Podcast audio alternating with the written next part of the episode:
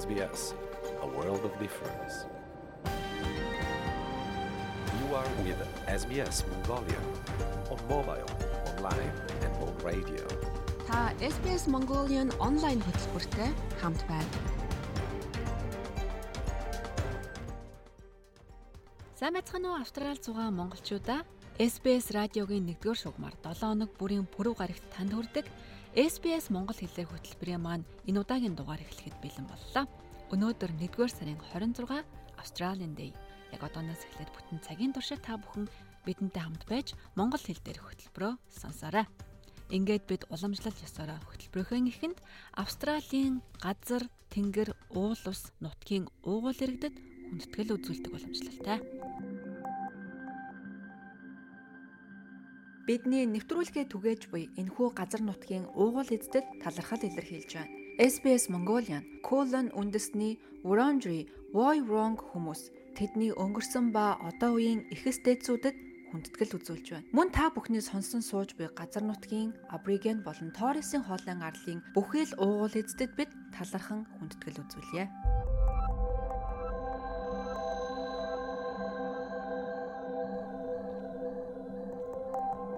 Өнөөдөр 1-р сарын 26-ны өдөр. Энэ өдрийг Австралийн Day болгон тэмдэглэдэг. Гэхдээ энэ бол баярын өдрөө эсвэл гашуудал харамслын өдрөө гэдэг төр олон хүний маргаан байдаг. Үүний учрыг тайлсан нэвтрүүлгийг та манай энэ удаагийн хөтөлбөрөөс хүлээн авч сонсорой. Та нүгүрэхээр бэлтгэсэн манай дараагийн нэвтрүүлэг үл хөдлөх хөрөнгийн салбарт борлуулалтын менежерээр ажилладаг төвшин дэлгэр буюу TED Sherry-тэй хийсэн ярилцлага хүргэн.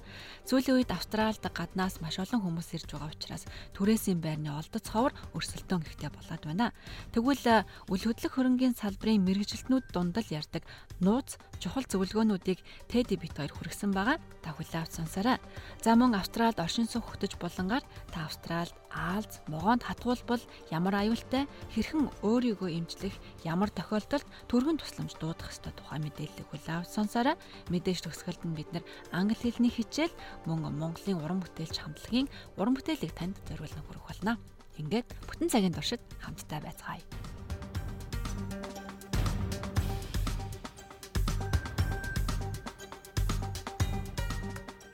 Та SPS Монгол нэвтрүүлэгтэй хамт байна.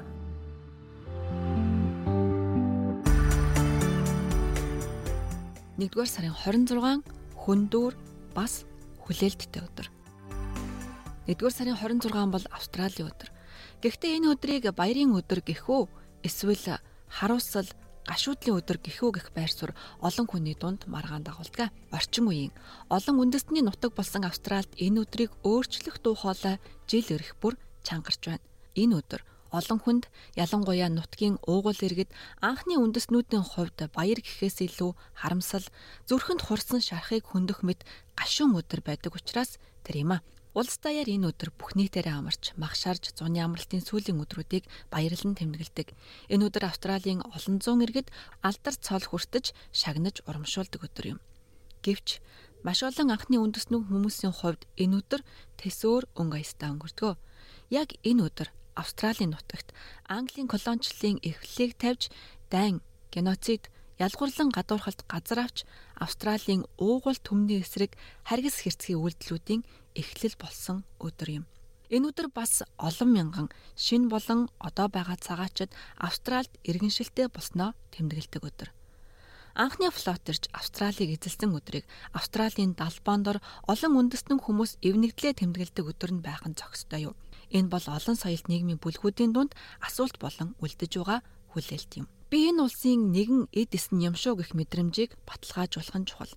Австралийн нийт хүн амын 29.3% буюу 7 сая гаруй хүн гадаадад төрсэн хүмүүс эзлэж байгааг хамгийн сүүлийн буюу 2021 онд хийсэн хүн амын тоотлого харуулсан. Сидней хот дахь Этиоп хүмүүсийн нэг Асафа Бакели нутгийн уугуул иргэдтэй хамтран ажиллаж анхны үндэстэн хүмүүсийн түүхийг маш ихэд сонирхдог болжээ. Тэрээр хэлэхдээ нийгэм улс үндэстэн эх орондоо эзэн байх мэдрэмжийг төлөвшүүлэх нь маш чухал юм гээд хувь хүмүүр Иргэн бүр ялангуяа хөлийн чандаас ирсэн хүмүүс энэ нутагт 60 мянган гаруй жил амьдарсан Австралийн уугуул иргэдтэй холбоотой хамтран амьдарч буйгаа ойлгох мэдрэмж маш чухал юм шүү гэж хэлсэн юм а. Бид түүх соёл бүхэл зүйлээ хуваалцаж хамт амьдрах харьяалагдах мэдрэмжээ улам нэмэгдүүлэх хэрэгтэй. Миний хувьд Австралийн өдрийг өөр өдөр тэмдэглэдэг болоход татгалзах ямар ч шалтгаан байхгүй. Австрали улс цаг үе өөрчлөгдөж байна. Хүмүүс ч үүнийг дагаад өөрчлөгдөх хэрэгтэй гэж тэрээр нэмж хэллээ. Австрали бол олон соёлт улс. Австралийн эдэс нь болсон нийгмийн бүхэл бүлгийн хүмүүс хүндлэл хүлээх хэрэгтэй. Эцсийн эцэст бид бүгд амар амгалан, эв найрамдал, эв нэгдлэл хэрэгтэй шүү дээ хэмээн Асаф Бэли хэлсэн юм а. Тэгвэл бид энэ баярыг буруу өдөр тэмдэглээд байна уу? Бид Гевин Саммерс гэдэг хүнтэй уулзлаа. Тэрээр Бачула Губи Губи омгийн хүн, дуучин ая зохиогч юм. Тэрээр Австралийн баярыг тэмдэглэх өдөртөө байхын чухлыг хүлээн зөвшөөрч байгаа боловч одоогийн тэмдэглэж буй өдөр нь баяр тэмдэглэхэд буруу өдөр юм хэмээн үзэж байна. Ноён Сомерс хэлэхдээ бид бахархалт өдөртэй байх хэрэгтэй. Энэ өдрийг Австралийн газар нутагт амьдарч буй олон соёлт гаднаас ирсэн хүмүүстэй хамт тэмдэглэдэг байх нь чухал юм гэсэн бол Австралийн дэй хариулахад хэцүү асуултуудыг гаргаж ирдэг хэмээн бас нэгэн уугуул үндэстэн бидэнд ярьсан юм а. Түүнийг Грег Регни гэдэг Narendri Korma омгийн хүн тэрээр Aboriginal хүмүүсийн ашигын бус байгууллагын тэргүүнээр ажилладаг юм а.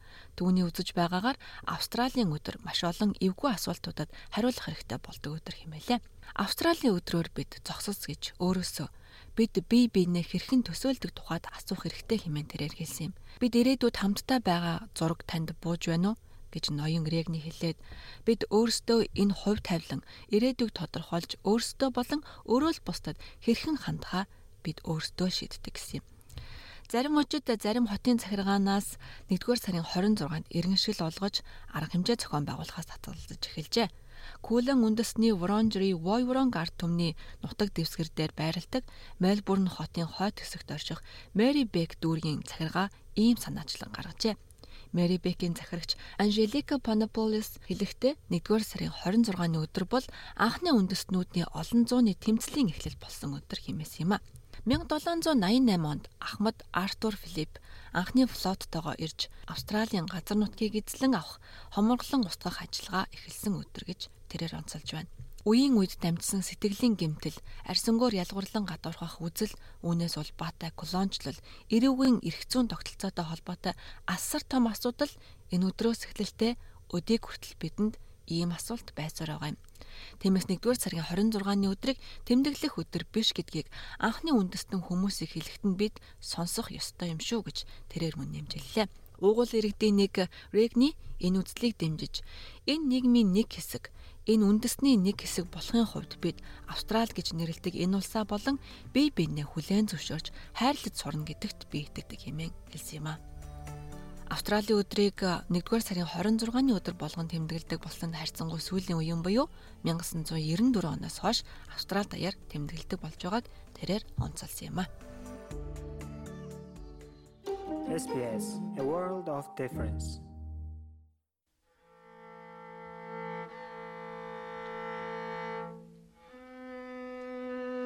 Oh.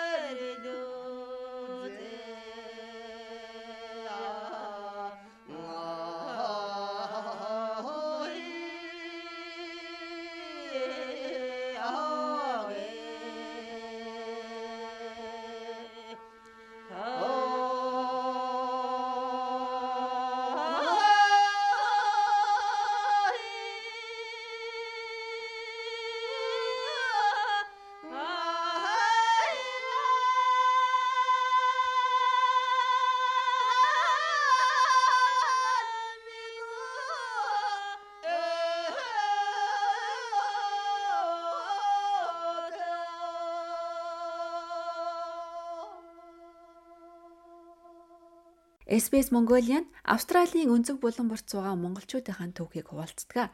Ингээд манай ярилцлагын болонд анхаарлаа хандуулно. Та SBS Монгол нэвтрүүлэгтэй хамт байна. Сайн бацхан Австрали дахь монголчуудаа SBS Mongolian танд хэрэгтэй мэдээлэл зөвлөгөөг хүргэдэг 7 хоног бүрийн ярилцлагын болонгаараа хүрэхэд бэлэн боллоо. Хэрхэн өөрийнхөө нэр дээр байр түрээслэх тухай зөвлөгөөг хүргэж байгаа. Өмнөх дугаартаа бид нар ямар вебсайтаас байраа хайдаг, байраа үүсгэхдээ юуг нь анхаарах ёстой, байраа хэрхэн судлах, за мөн инспекшн хийхдээ юун дээр анхаарах тухай, эйженситэйгээ хэрхэн харилцаагаа үүсгэх тухайд ярилцсан. Тэгвэл энэ удаад яаж хүчтэй аппликейшн бэлдэж эйженсигийн нүдэнд өртөх тухайд ярилцахаар ажиглаа. Ингээд True Property Real Estate Agency-д борлуулалтын менежерээр ажилладаг төвшин дэлгэр буюу TDT хийсэн ярилцлага үргэлжлүүлэн хүргэе. SBS Монгол нэвтрүүлэг таны гар утас болон цахим хуудасд нээлттэй байна. За, аппликейшн талаар ярья. Ерөнхийдөө 3 компонент маш чухал. За. Илүү их офер хий. За, аппликейшн маш хүчтэй болог бүх документаа одоо ингэж өг. Одоо ямар документ өгөх нь би одоо амар ингэ дэтэлтэй хэлнэ. За гуравт нь дөнгөж одоо шинээр ирсэн хүмүүс байж дээ. Энэ гурав дахь компанид бол маш чухал. Gonna help you. Эхнийхээ 1 сар юм уу 2-оос 3 сарынхаа рентийг шууд ингээ өгч чаднаа. Хэрвээ энэ гурвуулын ингээ ингэж ашиглах юм бол ялангуяа 3 дахь point ингэж ашиглах юм бол баг байрч бол өөрийнх нь болох боломж маш их өндөр байгаа. За одоо хоёлын хүчтэй аппликейшн гэж чи нэлээд дурдаад байна шүү дээ. Тэгвэл ямар аппликейшнийг хүчтэйд тооцох вэ? За би ингээ хоёр англи ачиж болох уу? Дөнгөж ирсэн гэр бүл энд амьдраад жоохон утцсан те rental rental historyтэй 2 3 жил амьдсан хүмүүс ингээ хоёр англи ачиж заяа. Ингээд хоёр шал өөр шал өөр стратеги хоёлын хэрэгжүүлэх гэдэг шүү дээ монголчуудаа. Тийм байна. За хамгийн ихэнд одоо гоё шаардсан. Тэгээ хамгийн гол нь аппликейшн бүх нөгөө документ бүх нөгөө бичиг баримтаа гоё ингээ скандаад тэгшин хэрвээ юм гоё цэгцтэй ингээд хийсэн аппликейшн байвал хүний нүдэнд харахад тийм амархан те. За эхний supply document 100% ID гэж байна. За тэрэндээ нь driver's license, passport, photo ID, birth certificate эдгээр орж байгаа. Тэрийг бүгдийг ингээ supply хийчихвэл маш сайн. Одоо Монгол password, Монгол driver's license болно хамаагүй. Ямар ч хамаагүй photo ID одоо ямар нэг иргэний өмнөлөг ч юм уу те. За тэгээ өөрийнхөө төрсний илчиргээ те тэрийгээ сайхан скандаад явуулчих байгаарэ. Тэгвэл маш гоё ярьдээ шүү. За дараагийнх нь юу одоо аппликейшны нөгөө section болгон дээр personal summary section гэж байдаг. Одоо өөрийгөө ингээд танилцуулсан маягийн юу хийхтэй боломж байдаг. Тэрэндээ зарим аппликейшн нөгөө платформ дээр өөрийнхөө гоо зургийг ингэж тавих боломж байдаг шүү заа. Тэрэндээ гоё ингээд гоё гэр бүл гоё инээсэн гоё гэр бүлийн гоё харандаа тавьсан зурнууд байдаг та. Тэрийг ингээд сайхан тавьчихж байгаарай. Тэгвэл маш гоё ярагддаг шүү. Ерөнхийдөө статистикаар бол зурагтай аппликейшн, зураггүй аппликейшн хамаагүй гоё юм билээ шүү дээ. Аа, мэдмээр юм байна гэж байна. Тий, тэр амар юу бас тэр тэр үнд чи одоо ингээл 10 нөгөө 10 аппликейшн нь зүгээр нэг хитэн тоо бичиг цаасаад байгаа тий. Тэр чинь нөгөө хоёр аппликейшн дээр маш сайхан Монгол гэр бүл бие бинийгээ тавьчихсан. Хүүхдүүд инээсэн тий. 3 4 хүүхдээсэн ч хамаагүй ингээд өөрөөс нь сайхан инээгээд амар гоё эрг нэр өгч байгаа байхгүй тэр үний юу. Тэр хоёр аппликейшн хажууд нь амьд харагдаж байгаа байхгүй. Мэдэрч байна та?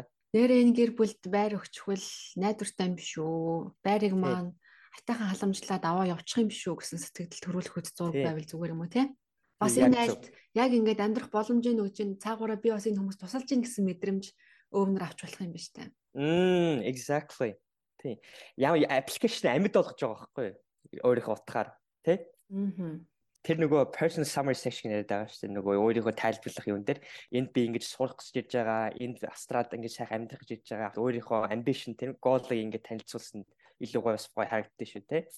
За тэгээд хамгийн их одоо нэг асууж байгаа юу асуудалтай энэ виза гэж байгаа те. Ихэнх монголчууд нөгөө аялын визатайгаа энд ирдэг. Аялын визагаа студент болгоод ингээ өөчлөг те. Тэр зорилгоо бас ингээ за бид нар одоо одоохондоо travel визатай ирж байгаа. Гэхдээ энэ сарын дараа студент виза болоо манайх эндээ 2 3 4 жил амьдрах төлөвлөгөөтэй байгаа. Тэрийг амар ингээ clear ингээ бичээрээ. За тэгээд тэр person summary section дээр одоо нэр юу жинхэнэ нөгөө rent in advance гэдгээ одоо бичэн шүү дээ нэг 2 3 сар төлж чаднаа. За тэгээ бид нар бас offer more money хийж байгаа шүү гэдгийг бас тэр үеүн дээр бичдэг шүү те. За тэгээ дараагийн section одоо rental history гэж байгаа те. Угаасаа шинээр ярьж байгаа хүмүүс ямар ч rental history гэж байхгүй тэр бол нэг чухал зүйл биш. За дараагийн одоо employment section гэж байгаа. За энэ бас маш чухал хэсэг. За дөнгөж сая ирсэн гэр бүлтэй. За хамгийн гол нь одоо apply хийхээс өмнө аль болох хурдны Австралийн одоо банк аккаунт нээх нь чухал шүү. Тэрэн дээр ерөөдөө гадаадын банк аккаунтыг нээх нөгөө үйл хөдлөлийн эйженсиудээ тоож харддаг юм яадаг угаас ойлгохгүй юм чи. За тэгээд тэр банк statement дээр нөгөө өөрийнх нь savings байж байгаа хэвээр. За нөгөө finance section илүү хүчтэй болыг бол одоо accountant letter бол маш сайн. Одоо монголоор юу ч хэлэх юм бол нэгтлэн бодогчийн одоо бичиг юм уу? Тэ? Тэрийг одоо англиар орчуулад ч юм уу ингээ батлуулсан байвал тэгээд тэрийг скандад аппликейшнд оруулбал маш сайн шүү. За тэгээд гэдгийг би сайн ойлгосонгүй тэди уучлаарай. Одоо accountant letter одоо ингээ нөгөө ажилд орсныхоо дараа гэсэн үг. Үгүй таны нөгөө savings-ыг ингэж батлуулсан одоо мөнгө хэрэг мөнгө хоримтлуулсан гэдгийг чинь батлуулах гэдэг шүү дээ ямар нэгэн хүнээр. Банкаараа юу? Тий, банкаараа ч юм уу, нэгтлэн бодог ч юм уу, аккаунтант. Сэдэн бол нөгөө ямар ч ажилтгүй хүн бол зүгээр нөгөө банкаараа ч юм уу ингээ батлуулаад банкнаас летер авчих тийм үү. За хэрвээ Commonwealth Bank хэлдэг бол Commonwealth Bank чинь нөгөө гой ингээ шууд дарангуут л нөгөө бичгийнх нэг бичиг нэгэ гаргаад ирчтэй шүү дээ. Хэрвээ Монголоор supply хийж байгаа бол одоо Монголд ямар нэгэн нэгтлэн бодогч нөгөө мөнгөний чи хариуцтай хүн байвал тэрүүгээрээ гоё бичиг бичүүлээл орчуулаад тэгээд батлуучвал бас хүчтэй харагдана. Яг За тэгээд personal summary гэх section ярьж байгаа шүү дээ. Тэгээд өөрийнх нь нөгөө төлөвлөгөөг ярьж байгаа шүү дээ тэн дээрээ. Тэн дээрээ за би үрд үрд ингэж saving-ээс рендэ төлж авахгүй. За энд бас ажил хийн, ийм ийм ажил хийх төлөвлөгөөтэй, ийм ажил хийх юутай гэдэг тэрийгэ төлөвлөгөө ингээ харуулчвал маш сайн. За дөнгөсөн ажил хүмүүсийн материалууд ерөнхийдөө тиймэрхүү харагдаж байна. Би бас сонсч ирсэн энд одоо rent хийжсэн history байхгүй бол Монголд амьдардаг байсан байрныхаа зургийг бас apply хийгээд би урд нь ийм байранд ингэж амьдардаг байсан гэж харуулж болдог гэжсэн. Тэр бас нөлөөлөх үү? Чин бас гоё юм. Тий, тэр нөлөөлөх яг ба. Манай монголчууд бол байрыг үнэхээр гоё ингэж хадгалж байранд үнэхээр гоё ингэж амьдардаг хүмүүс би мэдж байгаа. Тэг хамгийн цэвэрхэн хамгийн байраа гоё олуулан амьдардаг ч гэсэн бусад хүмүүсээс хамаагүй ядгаагүй хамгийн баг сэтэр минь номер их тавдаг гэж бодож байгаа. Тийм. Тэгээд наад наад аргач чинь бас үнэхээр гоё арга байна. За тэгвэл Австрал бас нэг хэдэн жил болцсон те урд өмнө байр түрээсэлжсэн туршлагатай хүмүүс яаж аплайд бол аппликейшн илүү хүчтэй болох вэ? Энэ удаа биш үү те. За Монгол паспорт. Гэхдээ нөгөө driver's license Австрал driver's license болгосон байвал илүү бол хүчтэй. Одоо Австралийн фото ID тэрийг бас игүүл бас илүү сайн те. За тэгээ бас birth certificate бас давхар өгчөж байгаарэ. Тэр нэгэ 100% ID-г нэгээд тик болгоод дуусчихж байгаа юм те бо identification өгчлөө. Тэгээ нөгөө манай компани ингэж авдээ. Заавал нөгөө хоёр adult-ын заавал application өгөх хэрэгтэй. Бусад компаниуд нэгдээ нэг нэг хүний нэг apply болоо гэсэн. Тэгээ манайх нөгөө амар стандарттай амар нөгөө strict болохоор заавал хүмүүсийг apply хийж авдаг. Аа. Тэгээ байгууллага болон өөр. Гэхдээ би just to be safe одоо золбоо гэдэг хүн аппликейшн өглөө. За золбоог ихнэр дулмаа гэдэг хүн аппликейшн бас ингэ давхар өглөө гэвэл улам хүчтэй болгох шүү те. Аа нэг хүү apply хийж хоёр хүү apply хийсэн дээр шүү дээ тийм үү. Тэгэлгүй яг хоёр хүний орлого харагдсан шүү дээ тийм наадаж. За тэгээд employment section дээр одоо 2 3 жилийн амьдэрсэн хүмүүс юу гэж байлгүй. Одоо за хэрвээ payslip авдаг бол payslip ээ. Хэрвээ invoice авдаг бол invoice сайхан ингээд application дээр өгч байгаарэ. Хэрвээ cash ажилладаг бол тэр bank statement өгж явах та тий. Таны ингээд cash орж гэсэн цалин байгаа шүү дээ. Одоо 500 400 доллар тэрийг ингээд харуулсан тийм банк statement үгүй бол маш сайн шүү. За За тэгээ нөгөө employment letter бол бас бас хүчтэй шүү. Тэгээ нөгөө менежч одоо за энэ золбоо гэдэг нь маань миний дор ингээ 2 3 жил ингээ ажилласан, маш сайн ажилладаг. Тэгээ ингээ батлуулсан, гарын үсгэн зурцсан те. Тэр letter бол employment section чи маш ингээ хүчтэй болчихж байгаа гэсэн те. За дараагийн rental rental-ийн section руу одоо орж ийн хэвлээ. Ерөнхийдөө олон хүмүүс application-ийн алдаа ингээ хараад тахаар хизээч битгий. Хуучин юм уу одоо үеийнхэн нөгөө гэрээг битгий ингэж оруулж байгаарэ application дээр тэр бол нөгөө хууль бус мэдээлэл шүү бид нэ тэрийг харах ёсгүй. Тэгээд тэр оруулчихараа баг 50 хуудсан болчтой. Маш хэцүү байдаг. Аа. Тэгэл гой ингээл химнийг авч ирсэн гинт нэг 50 хуудас хуучин гэрээ одоо байж байгаа гэрээ бид нарт ямар ч хэрэггүй мэдээлэл шүү таны аппликейшнийг жинхэнэ ална. За за тэгээд хутны рент өгчээсэн ресиптээ ингээ өгчдөг. Ресиптээ бити өгж байгаарэ. Яг гэвэл тэр мэд хамаагүй шүү дээ нэг ресипт ингээ нөгөө та ингээ рент өгс амжилттай үйл ингээ тань ресипт явдаг үстэй. Тий. Бүгд тэрийг бити өгж байгаарай заяа. Аа за. Тэр хамаагүй. Тэрнийхээ оронд rental ledger гэж байдیں۔ Rental ledger-д нь юу вэ гэвэл одоо ингээд нөгөө team нөгөө report байхгүй юу? За энэ золбоо дулмаа гэдэг хоёр хос 2019 оноос 2022 он хүртэл бүх ингээ рентэ өгсөн гэсэн мэдээлэл ингээ репорт гаргаад тавьсан байдیں۔ Тэр хуулгаа яаж авах вэ гэвэл зүгээр нэг өөрийнхөө эйжент рүү имэйл хийчихэл can I have my rental ledger гэж бичгэл шууд ингээ танд өгчөж болдог тийм нэг мэдээлэл байгаа. Тэрийгэ тавьсан цагт бол oh my god таны аппликейшн бол Үнэхээр гоё. Супер хүчтэй. Аа энэ чинь яг би төлбөрөө сар болгон найдвартай төлдөг гэдгийг харуулж штэ тий. Тий. Тэр нь бол маш хүчтэй харагдуулж байна. Бараг одоо эцсийн эц тэр байны эзэн юу өсөж байгаа вэ? Байрыг нэг гайгүй нэг 2 3 жил сайхан ингээ хадгалаа үлчих. За тэгээ рент тогтмол үгжээ бол тэр үнд хамаагүй штэ нэг чуу.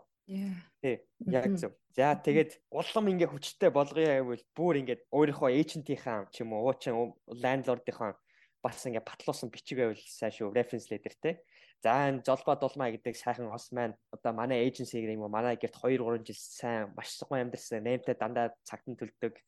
За манай байрыг өстой гоё цэвэрлэж явуулсан.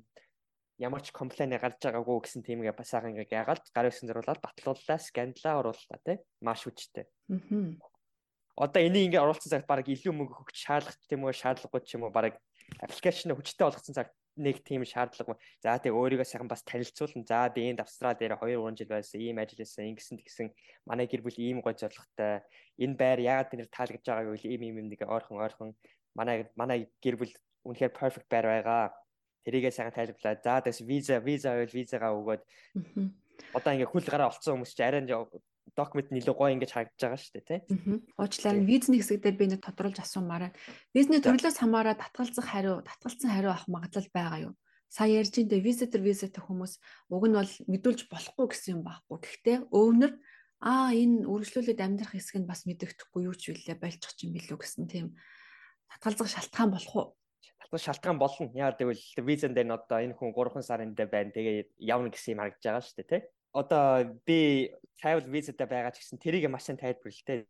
За би бид нэр ийм төлөвлөгөөтэй шүү. Одоо энд энд ингээд 3 сар ингээд байж байгаа. Тэгээд одоо нэг student visa болох тийм төлөвлөгөөтэй байгаа. Австралид 2 3 жил амьдрах төлөвлөгөөтэй байгаа. Тэнд битээ нэг санаа зовоорой. Тэрийг ингээд сайхан тайлбарлсан те эйженттэйгээ тэр эйжентүүд нь тэр өмнөрт нь ингээд тайлбарлсан байгаа. Тэр personal summary section дээр та ингээд бичгээр ингээд тайлбарлсан байгаа.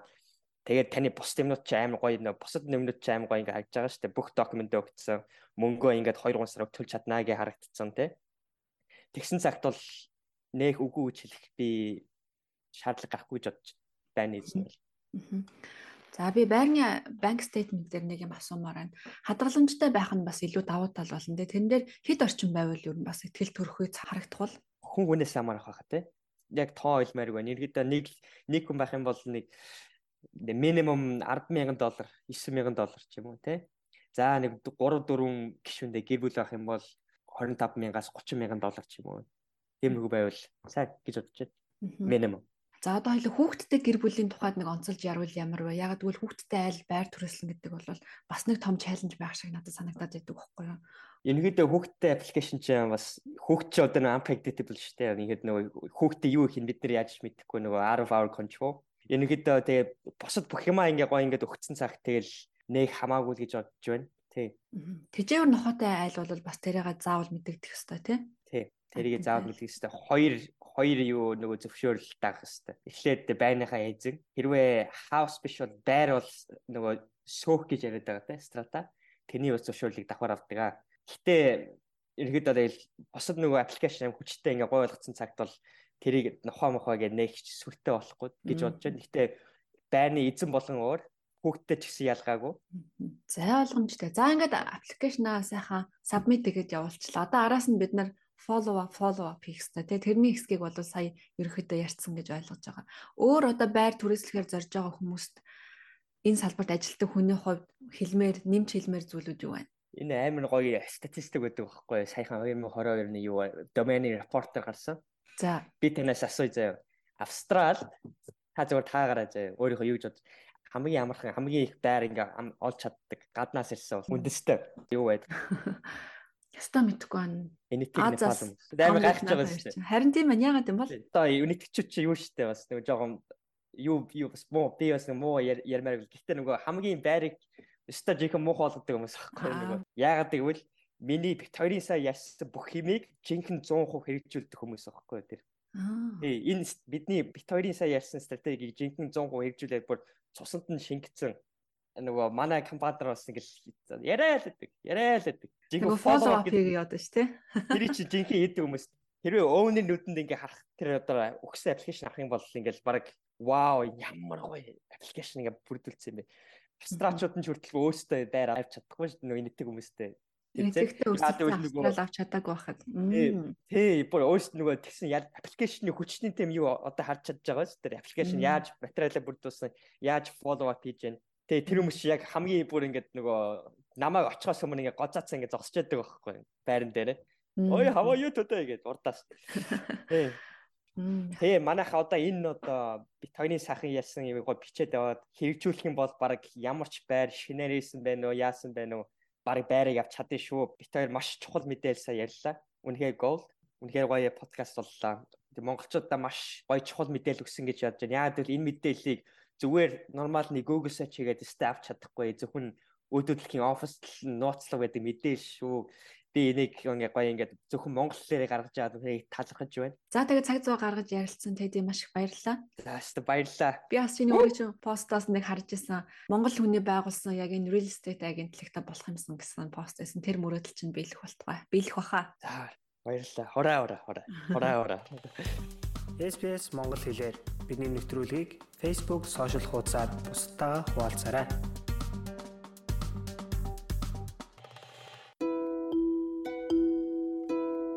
Автобусаар, автомашинаар хаач явсан бидэнтэй хамт байж нэвтрүүлгүүдийг манд сонсох боломжтой. SBS радио аппликейшнийг үнгүй татаж аваад хүссэн газраа биднийг сонсоорой. Та хүссэн газраа хүссэн цагтаа биднийг сонсохын тулд манай радиогийн шууд хөтөлбөрийг сонсож подкастуудад маань subscribe даран хадгалж авах боломжтой. SBS радио аппликейшнийг та App Store болон Google Play-с татаж авах боломжтой. Эсвэл та аппликейшнаа аль хэдийн татаад авсан бол апдейт хийх хэрэгтэй байж магадгүй юм шүү.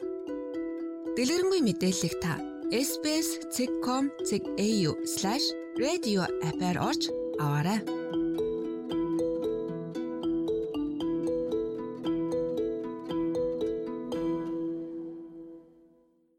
SBS Mongolian радио хөтөлбөртэй хамт байгаа танд баярлалаа. Одоо Австралид оршин суух хөтөч нэвтрүүлгийг хүлээн авч сонсцгоё. Та SBS Монгол нэвтрүүлэгтэй хамт байна. Австральд оршин суух хөтөч булангийн шин дугаарыг танд хүргэе. Олон хүн Австралийн Аалз хамгийн аюултай гэж боддогч үнэн хэрэгтээ ихэнх Аалз нь хор хөнөөл багтай. Мөн хортой могоо хүнийг хатгсан тохиолдол тэмч түгээмэл биш юм. Гэхдээ хортой Аалз могоо огт байхгүй гэсэн үг биш, бас аюулгүй гэсэн үг ч бүр биш. Цөөн боловч тохиох ийм хортой могоо аалзанд хазуулсан хатгуулсан бол ямар арга хэмжээ авах тухайд энэ удаагийн оршин суугтаж булангаар хүлээ авч сонсоорой. Австралид олон төрлийн хортой амьтад амьдардаг ч Аалзны хувьд бол харин азтай улсад тооцогддог. New South Wales мужийн хордлогын мэдээллийн төвийн эмнэлгийн захирал Brian Roberts ингэж тайлбарллаа. We're lucky actually in Australia There's really only one spider that we're particularly worried about. Австралчууд бид үнэхээр азтай хүмүүс. Бидний хамгийн их айлгадаг аюултай гих цорын ганц төрлийн аалз байдаг. Энэ бол funnel web гих аалз юм. Хэдийгээр улаан нуруутай хар аалзнуудыг хамгийн хөнөөлтэй гэдэгч таны бие муудаж үхэх эсвэл эмнэлэг твтэх шаардлагатай хүнд хордлого авах магадлал маш бага байдаг. Тиймээс Австралийн бусад бүх аалзуудыг ерөнхийд нь бага болон хоргүй аалзнууд гэж хэлдэг. Generally considered to be low or non-toxic. Улаан нуруутай алзанд хортой ч гэсэн хатгуулсан тус газарт халдварын шинж тэмдэг илрээгүй эсвэл хүндэрсэн шинж тэмдэг байхгүй тохиолдолд хэдэн цагийн дараа ямар нэгэн тусгай эмчилгээ шаардахгүйгээр өөрөө зүгээр болтгоо. Улаан нуруут аалзанд хазуулсан тохиолдолд бусад бүх аалзтай адилхан анхны тусламжийг үзүүлнэ. Харин дээр хэлсэн хамгийн аюултай гэгдэж байгаа funnel web-ийн хувьд өөр юм. Та хажуулсан тус газараа зориулалтын ариутгалын шингэнээр арчиж цэвэрлээд харцнарай. Хэрвээ нэмж хүндрэл гарахгүй бол ажиглаж хүлээх хэрэгтэй. Хэрвээ өрөвсөл нэмэгдэж байвал эмчээс зөвлөгөө авах хэрэгтэй. Гэхдээ ихэнхдээ заавал эмчлийн үзлэггүйгээр өөрөө намждаг. Аалзанд хазуулсны дараа ихэнх хүмүүст хазуулсан тус газарт өвдөлт мэдрэгддэг. Хүйтэн жин эсвэл мөсийг цэвэр даавгаар ороогоо тавьж болно. Энэ жингээ 15 минутын туршид тавих нь өвдөлтийг намдаадаг. Харин funnel web аалзны хувьд эсэргээрээ гэж эмчнэр хэлж байна. If you with anyone who has been bitten by a snake Funnel web аалзанд хазуулахад маш их өвддөг. Хазах үедээ хороо шингээдэг. 30-аас 60 минутын дотор хүмүүс өвдөж эхлэж зүрхний цохилт өөрчлөгдөх, хөлрөх амьсгал давчдах, урвал чичрэх, заримдаа булчин суларч, чичрэх зэрэг шинж тэмрүүд илэрч эхэлдэг. Тиймээс ийм алз нь амь насанд аюултай хордлого үүсгдэг бөгөөд энэ нь нэхэвчлэн маш хурдан тохиолддог учраас яаралтай арга хэмжээ авах нь зүйтэй юм. Тиймээс яралтай төрийн тусламж дуудах шаардлагатай бөгөөд эмнэлэгт тусгай амжилтыг хийлгэх хэрэгтэй болтгоо. Don't hesitate. Call triple zero. Шон Фрэнсис бол Австралийн хөдлөө болон аслагдсан орон нутагт нисхийн тээвэр эрүүл мэндийн тусламж үйлчилгээ 24 цагийн туршид яаралтайгаар үзүүлдэг ашигын бус үйлчилгээ үзүүлэгч Royal Flying Doctor Service-ийн Queensland дахь салбарын эмч юм. Та яаралтай тусламжийн дугаард залгахад могоо аалзанд хазуулсан агаарын эмнэлгийн тусламж авах шаардлагатай үед 1369 73 37 дугаарт чиглүүлж өгдөгөө. Our general approach to someone who advises us they've been Энэ үйлчилгээ өвчтөн шаардлагатай тусламж үйлчилгээг шуурхай авах боломжийг олгодог. Хортой могоон татгуулсан аалзанд хазуулсан хүмүүст яг ийм нарийн шуурхай үйлчилгээ шаардлагатай болдог. Гэтэл ийм тохиолдол ихэвчлэн шууд үйлчилгээ авах боломжгүй аслагдсан газар тохиодог. Тиймээс эдгээр өвчтнүүд бидэн рүү шууд залгаж эмчтэй утсаар ярих болно. Эмч тэдэнд зөвлөгөө өгөх, анхны тусламжийг үзүүлэх, дараа нь шаардлагатай бол тухайн хүнийг зохигт тээвэрлэх журмаар нь авчрах талаар арга замыг that's эрэлхийлдэг. a trigger for us to intervene and and escalate care Ямар ч могоон татгуулсан тохиолдолд бүгдийг нь хортсон гэж үздэг.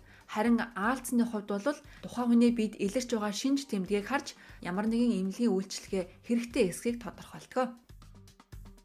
What we do is we apply a pressure immobilization. Могоо татгуулсан бүх хүнийг шинж тэмдэг илрээгүй байсан ч хортсон гэж үздэг. Энэ нь тэдний аюулгүй байдлын төлөө хийх хамгийн ихний чухал том ойлголт юм. Харин аалзны хазалт нь арай илүү төвөгтэй байдаг. Учир нь ихэнхдээ аалзны төрөл эсвэл гэмтлийн төрлийг нь хүмүүс ялгаж мэддэг. Тиймээс улаан уруутуу, фанел веб үү эсвэл өөр төрлийн аалзуу гэдгийг мэдэх ёстой байдаг. Бас ихэнх хүмүүс би маш их айгаад байна. Аалзанд хазуулсан миний би сайнгүй байна гэж хэлдэг. Тиймээс зөвхөн өвдөлтөөс илүү бусад олон шинж тэмдэг илэрвэл бид очтгоо.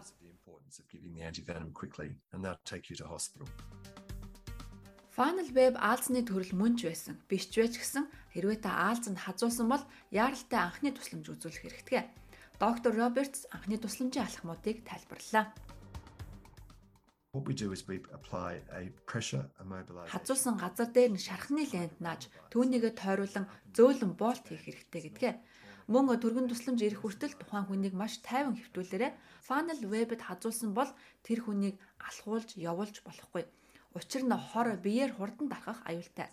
Зарим газарт түргэн тусламжийн машинууд хорны эсрэг бодистой байдаг. Танд шууд хийж өгнө. Тэгээд эмнэлэгт хүргэж эмчилгээ хийнэ. Because of the importance of giving the antivenom quickly, and they'll take you to hospital. Могоо татгуулаад нас барсан тохиолдол тун ховор байдаг. Сүүлийн үеийн тоо баримтаас харахад Австралид 3000 могоо татгуулах тохиолдол тутамд жилд дунджаар 2 хүн нас бардаг гинэ. Зарим хазуулсан хэсэг нь шарахгүй байж болно. Энэ нь могоо хороо цацаж амжаагүй гэсэн үг юм. Гэсэн хэдиж могоод хатгуулсан л бол үүнийг хортсон гэж үзэх ёстой. Доктор Фрэнсис энэ тохиолдолд таны авах ёстой гурван чухал алхмыг хэлж өглөө. Any snake bite needs to be managed with the Могоо тазуулсан бол хор цацсан цацаагүй хуураа байгаагаас үл хамааран анхны тусламж үзүүлэх шаардлагатай. Энэ нь хатгуулсан хүнийг хөдөлгөөнгүй байлгаж чиг барин боох ёстой. Тэгээд яаралтай тусламжийг заавал дуудаарай.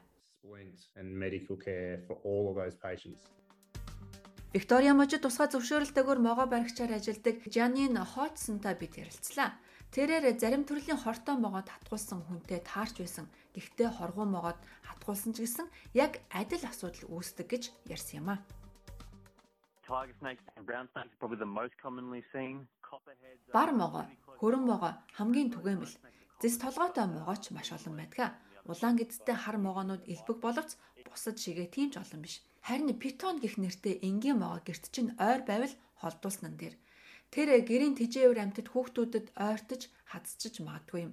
Хэдийгээр питон гэдэг энэ могоо хоргүй байдаг ч гэсэн түүнд агуулгаддаг бактери янз бүрийн шалтгаанаас болж хүнд муугаар нөлөөлж болзошгүй юм. Дээр нь хинч ямар нэгэн амьтанд хазуулахыг хүсэхгүй шүү дээ.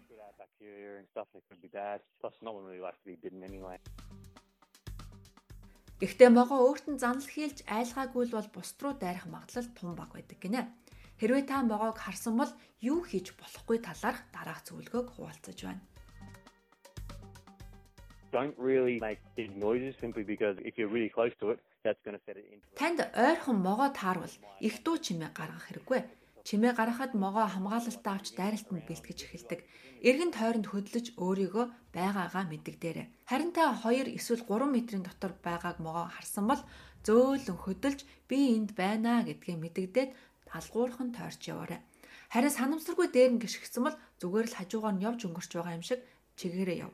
Чамаас 30 см-ийн зайд байгаа бол зүгээр үхсэн мэт таг зогс.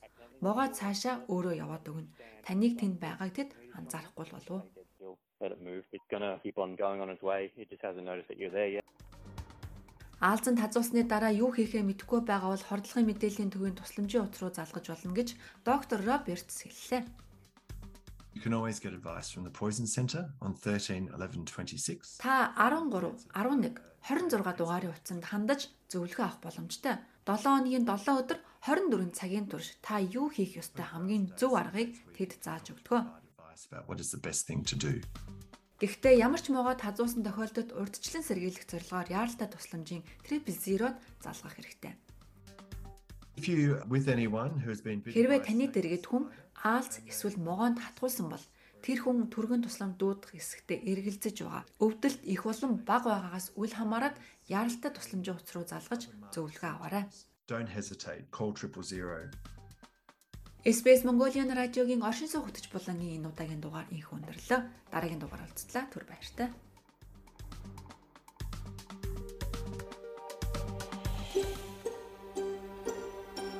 Австрали улсад байгаа бусад монголчуудтайгаа холбогдоорой. SBS.com.cg юу урагшаа зураас Mongolian хуудасаар зочлоорой. Манай радио хөтөлбөр Монголын уран бүтээлчдийн дууг албан ёсны эрхтэйгээр танд хүргэдэг. Ингээд нэгэн уран бүтээлийг танд зориулъя.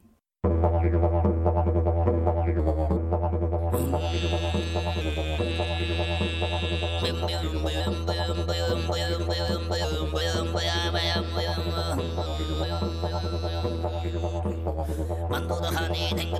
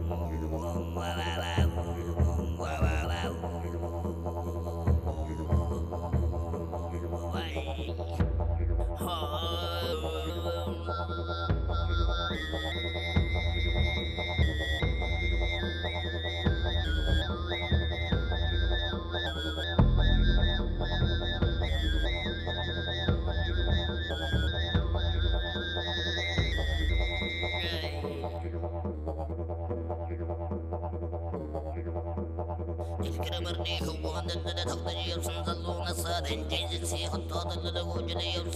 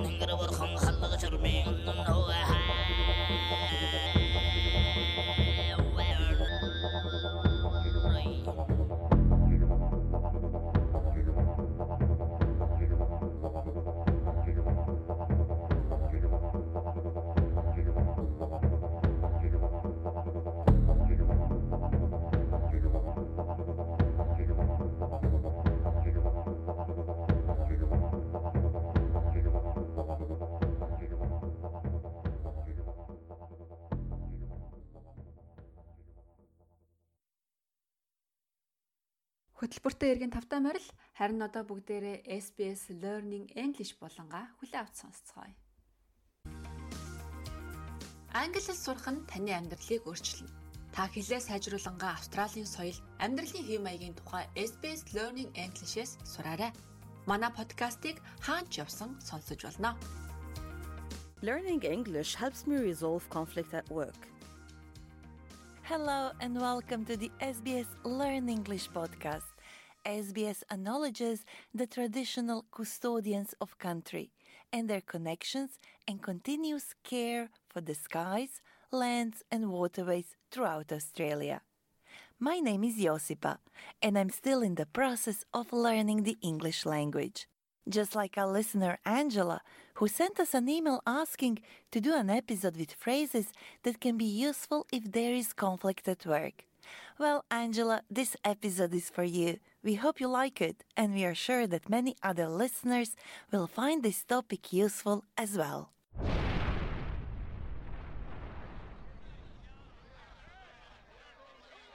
Conflict in the workplace is common because people often have different ideas, interests, or beliefs. Maybe we disagree with someone because we have different working styles, or perhaps people don't communicate or collaborate very well.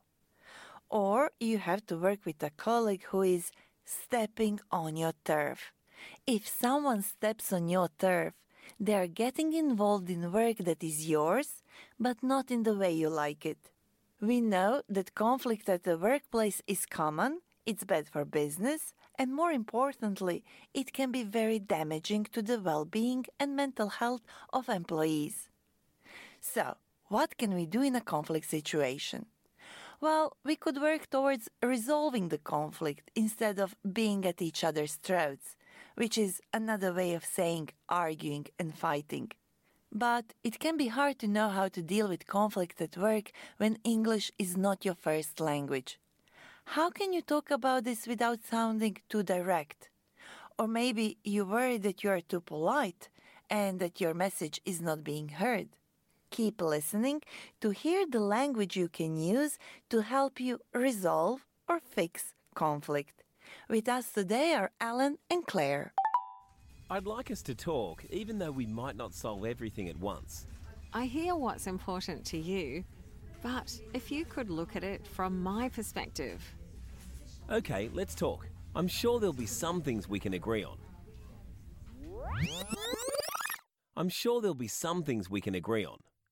All the phrases we've just heard can help us work towards the resolution of conflict. Let's hear them again, one by one. First, we had Alan. I'd like us to talk, even though we might not solve everything at once. I want us to talk even though we might not solve everything at once. By saying this, you recognize that conflict exists and are prepared to work toward a resolution, even though not every problem can be solved. I hear what's important to you, but if you could look at it from my perspective. I hear what's important to you, but if you could look at it from my perspective. By saying this, you're acknowledging another person's opinion and asking them to do the same. Alan then said, Okay, let's talk. I'm sure there'll be some things we can agree on. It's like saying I'm ready for compromise. A compromise is an agreement or settlement of a difference of opinion in which each side loses something. It's like an agreement in which neither side gets exactly what they want. But at least they reach some sort of agreement, and that stops people being at each other's throats.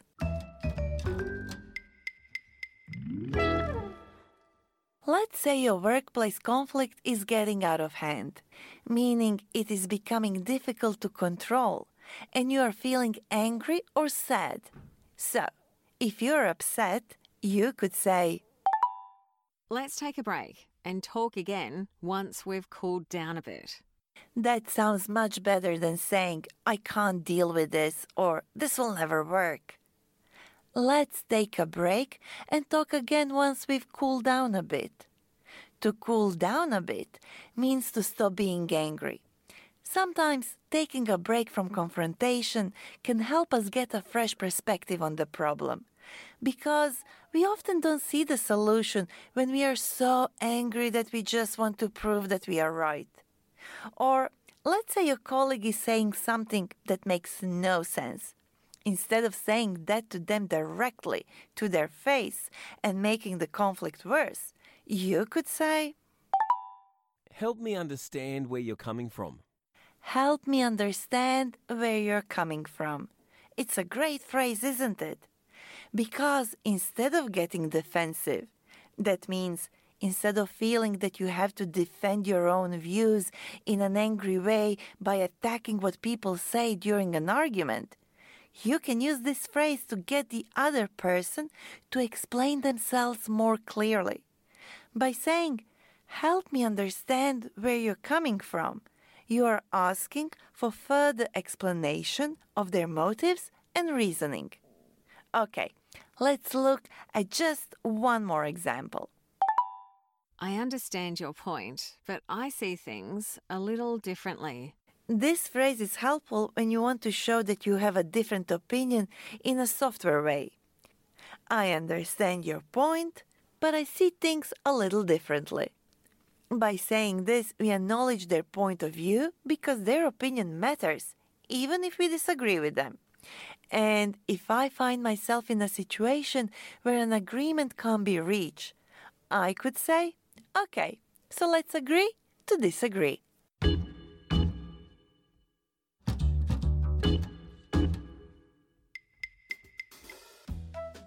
Today, we are in the company of my colleague, SBS radio content editor Peter Theodosiou. Hi, Peter. Thanks for being part of the show. Hi, Osipa. I'm a big fan of the Learn English podca- podcast, so it's a pleasure to be here. Workplace conflict is bad for business, but perhaps even more importantly, it can be very bad for the people involved too, right? Yeah, well, workplace conflict, especially long lasting, can create a toxic environment for everyone. A toxic environment is a place or behavior that causes harm to your health, happiness, and well being. Toxic. That is quite a strong word. It is usually used to describe a poison. That's right. A workplace must be very harmful if you describe it like that. But even conflict that is not so extreme can still be very stressful. especially if the conflict remains unresolved for some time. Many studies have confirmed that unresolved workplace conflict causes considerable stress, anxiety, and depression that can ultimately lead to more serious mental health issues. Unfortunately, these days, whether we are in conflict with someone or not, so many of us need support to achieve our best mental health and reduce the daily stress in our lives. Yes, according to the Australian Human Rights Commission, around 45% of adult Australians will experience a mental illness at some point in their life, while one in five Australians will experience a mental illness in any given year. That's why here at SBS we are launching Mind Your Health on October 10. I encourage everyone to visit the Mind Your Health website to access diverse perspectives of health and well-being for free. Awesome! I can't wait to try some of the suggested meditations you mentioned to me. But before I say goodbye to you now, can you please help us repeat useful phrases from this episode? I'd be happy to. See if you can answer the question before hearing the answer. If someone steps on your turf, they are.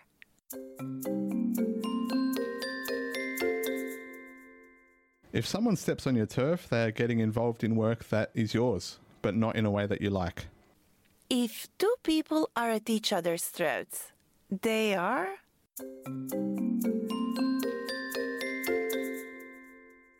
If two people are at each other's throats, they are arguing, they are angry, and they are fighting. What does it mean that conflict is getting out of hand?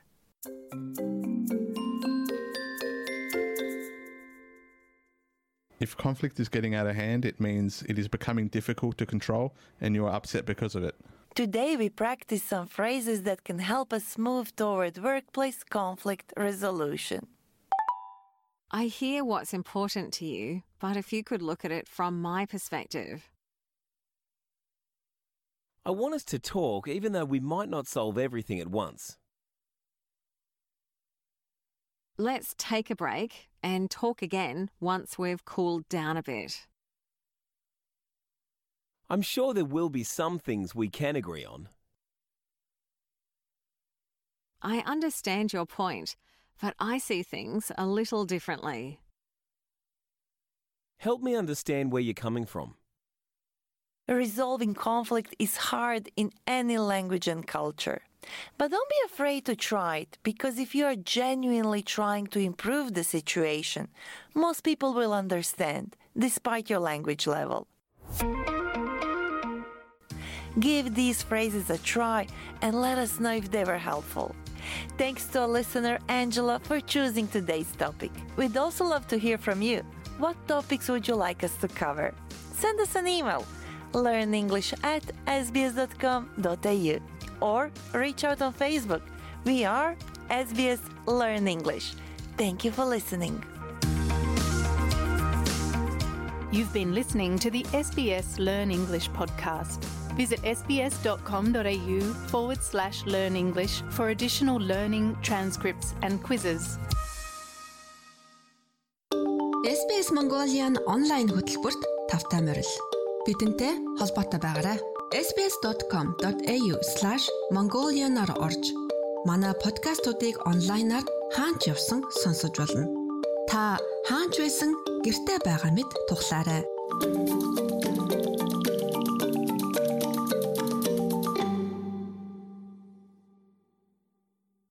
SBS радиогийн Монгол хэл дээрх хөтөлбөртэй хамт байсан танд баярлалаа.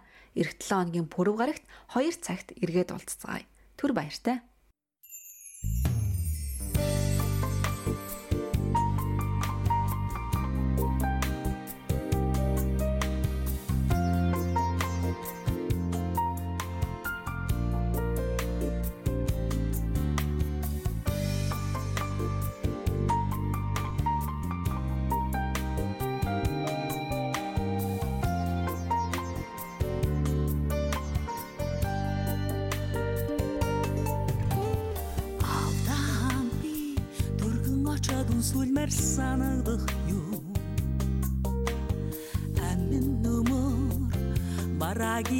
Барагитан санадултан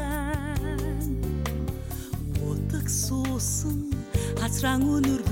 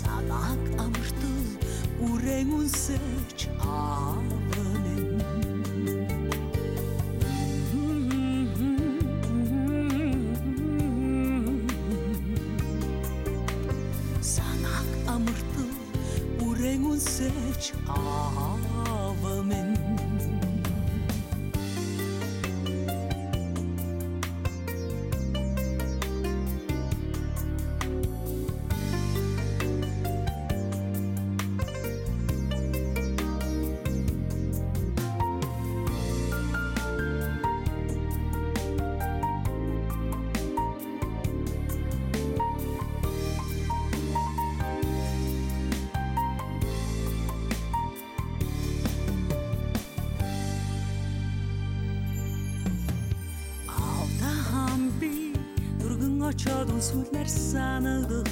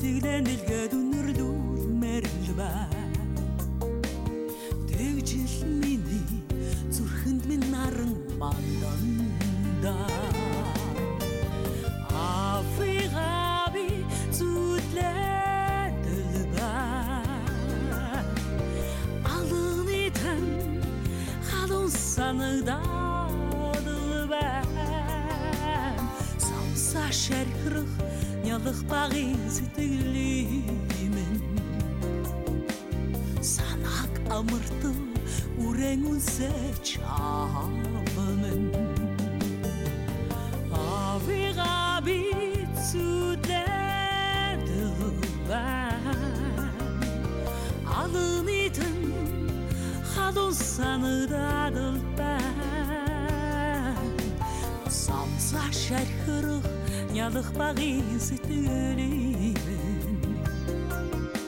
санаа гамартан үрэн үсэж авамэн